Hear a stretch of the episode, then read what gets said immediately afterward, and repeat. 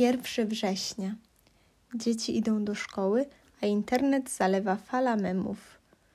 O tym, że przyśniło mi się, że muszę iść do szkoły, bo jest pierwszy września, ale na szczęście muszę tylko zapierdalać w pracy od rana do wieczora do końca życia. No i pierwsza myśl moja była taka: hehe, no właśnie. Ale czy rzeczywiście zamieniłabym się z dzieciakami idącymi do szkoły? A w życiu? Y, wiecie, ja powoli staję się dinozaurem. Mnie szkoła kojarzy się z papierowym dziennikiem, z wywiadówkami raz na pół roku, na które nikt u mnie w domu nie miał czasu chodzić. Y, więc o moich ocenach dowiadywano się w czerwcu, jak przynosiłam świadectwo. Kojarzy mi się z tym, jak nie miałam za bardzo co ze sobą zrobić na przerwach, bo nie zawsze było z kim pogadać, a były to czasy takie, że dopiero w gimnazjum dostałam smartfona, ale i tak nie miałam w nim internetu poza domem, więc nie mogłam sobie w nim podziubać. Przerwy trwały, no, nieskończoność. Co pozostało takie samo? No, pewnie problemy z dojazdem, poczucie absurdu i niesprawiedliwości, nawał pracy, problemy ze skupieniem itd. Tak ale jak myślę o tym głębiej, to wydaje mi się, że teraz jest tam gorzej. Zobaczyłam gdzieś na Twitterze taki obrazek z napisem Be who you need, needed when you were younger, czyli bądź tym, kto był ci potrzebny w młodości. I w sumie założenie mojego podcastu jest podobne. Ja chcę tworzyć gadanie podobne do tego, którego lubię słuchać, bo mi się ostatnio na przykład wszystkie podcasty skończyły, no i, i teraz nie wiem ale doceniłabym, gdyby młodsza ja mogła usłyszeć to, co teraz tu powiem, a mianowicie to nie jest prawda, że lata szkolne to najlepsze lata życia, a potem to już śmierć i choroby zwyrodnieniowe stawów. Kto w ogóle wymyślił ten tekst? To chyba ta sama osoba, co wymyśliła trąbienie przez całe liceum, że na studiach to się co sesję pisze taką jakby maturę i w ogóle to tam jest dramat i jak się czegoś nie zda, to się idzie na pożarcie przez wilki. Ale studia to odrębny temat i planuję odcinek mu poświęcić. A wracając do tematu szkoły, mm, to takie mnie naszły przemyślenia, bo publikacja podcastu to dla mnie dosyć spory stres i nie mam pojęcia, co robię. No ale wiecie co?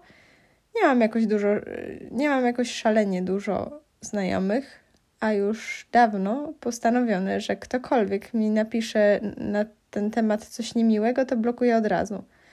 Mieszkam w dużym mieście, jestem tu dosyć anonimowa, no i jestem też dorosła, więc jak coś pójdzie nie tak, to ewentualnie ucieknę do innego kraju. A w szkole? W szkole, w zależności od rozmiaru placówki i Twojej przebojowości, możecie znać każdy, albo może znać się tylko Twoja klasa. No ale nadal, klasa to jest jakieś 20 osób, z którymi widzisz się codziennie i w żaden sposób nie możesz od nich uciec. Co za koszmar! I ja w trakcie trwania mojej edukacji do końca gimnazjum raczej nie miałam odwagi wrzucać nic do internetu oprócz mojego zamkniętego na cztery spusty prywatnego Twittera. A teraz dzieciaki coraz szybciej łapią internet, chcą tworzyć rzeczy, prowadzić profile na socialach, jakieś TikToki, mają większe możliwości rozwoju i wszyscy to widzą. Jesteśmy teraz wystawieni e, coraz bardziej na ocenę przez innych w internecie a przecież wiadomo, jak bardzo nastolatkowie w szkole lubią się wzajemnie oceniać.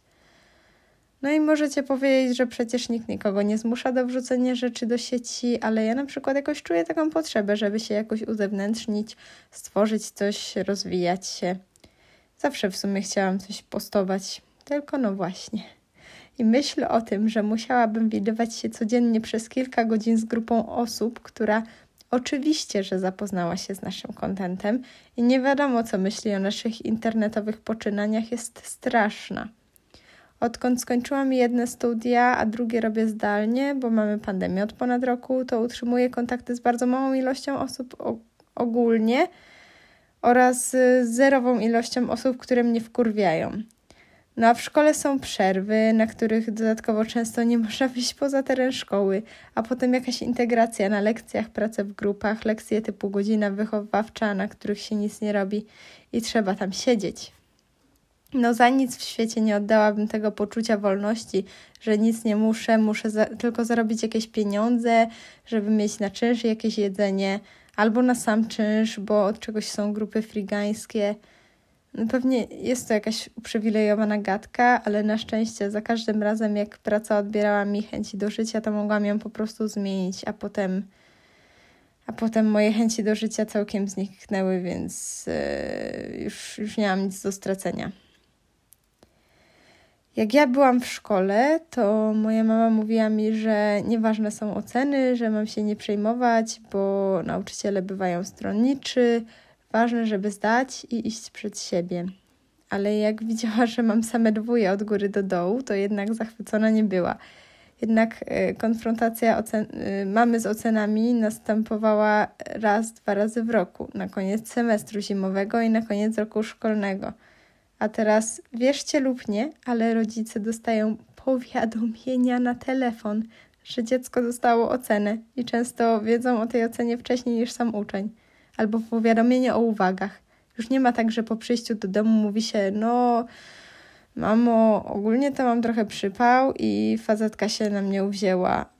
Tylko rodzic od razu, w ciągu dnia, widzi, co nauczyciel wyskrobał na temat przewinień bąbelka – albo wysyłają sobie wiadomości na WhatsAppie i rodzice mają instant informacje o tym, że nie macie w szkole, bo chillujesz na wagarach. Co za chore gówno. U nas Librusa wprowadzili jakoś pod koniec gimnazjum i tak tego nikt nie używał, a potem w liceum to miałam dostęp tylko do swojego uczniowskiego konta, bo mama automatycznie zapomniała hasła po jego wymyśleniu. I bardzo jestem za to wdzięczna. I jeszcze sobie myślę o tym, że Trzeba było chodzić na WF, przebierać się w tej szatni przy innych ludziach, ćwiczyć, mieć potem zakwasy i potem takim spoconym wracać na kolejne pięć lekcji. I jeszcze słuchanie tych okropnych tekstów w stylu hehe i co? Koniec laby, skończyło się dobre, zacznie się wstawanie o szóstej, właśnie pod koniec sierpnia. Mówione chyba z zazdrości przez dorosłych, bo oni nie mieli wakacji i cały czas muszą chodzić do pracy, której nienawidzą. Jeez chill the fuck out. I w ogóle nie wiem jak u was, ale u mnie połowa nauczycieli to były po prostu chamy. I trzeba było nosić te ciężkie torby z książkami, ćwiczeniami, piórnikiem, śniadaniówką. Nie można było się napić w czasie lekcji albo wyjść siku. I robić zadanie domowe trzeba było i czekać na autobus godzinami. Jak to były najlepsze lata mojego życia, to ja podziękuję za resztę. Było też dużo plusów w tamtych czasach. Na przykład nie musiałam podejmować decyzji, albo jak się źle czułam, to robiłam sobie wolne, a na umowie zlecenie, jak zrobię sobie wolne, to potem nie mam za co żyć. Ale nie będę o tym opowiadać teraz, bo zaburzy mi to argumenty do tezy, że lata szkolne do, do niczego się nie nadają. Gdybym była dalej w szkole, pewnie nie odważyłabym się wstawić tego do internetu.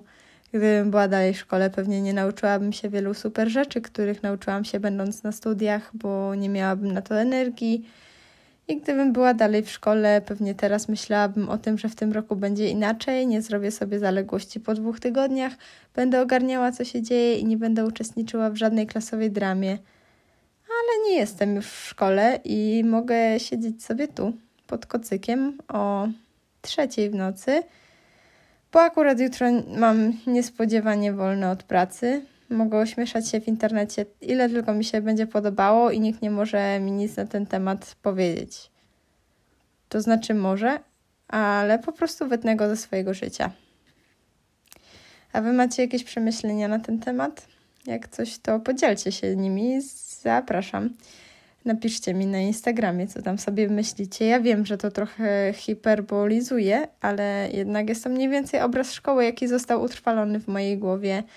Jeśli się znajdzie tu osoba, która ma mniej niż 30 lat, dobra, 27 lat, a jednocześnie serio uważa, że szkoła to były najlepsze lata jej życia, to serio proszę o kontakt. Nie mieści mi się to w głowie i chętnie poznam inny punkt widzenia.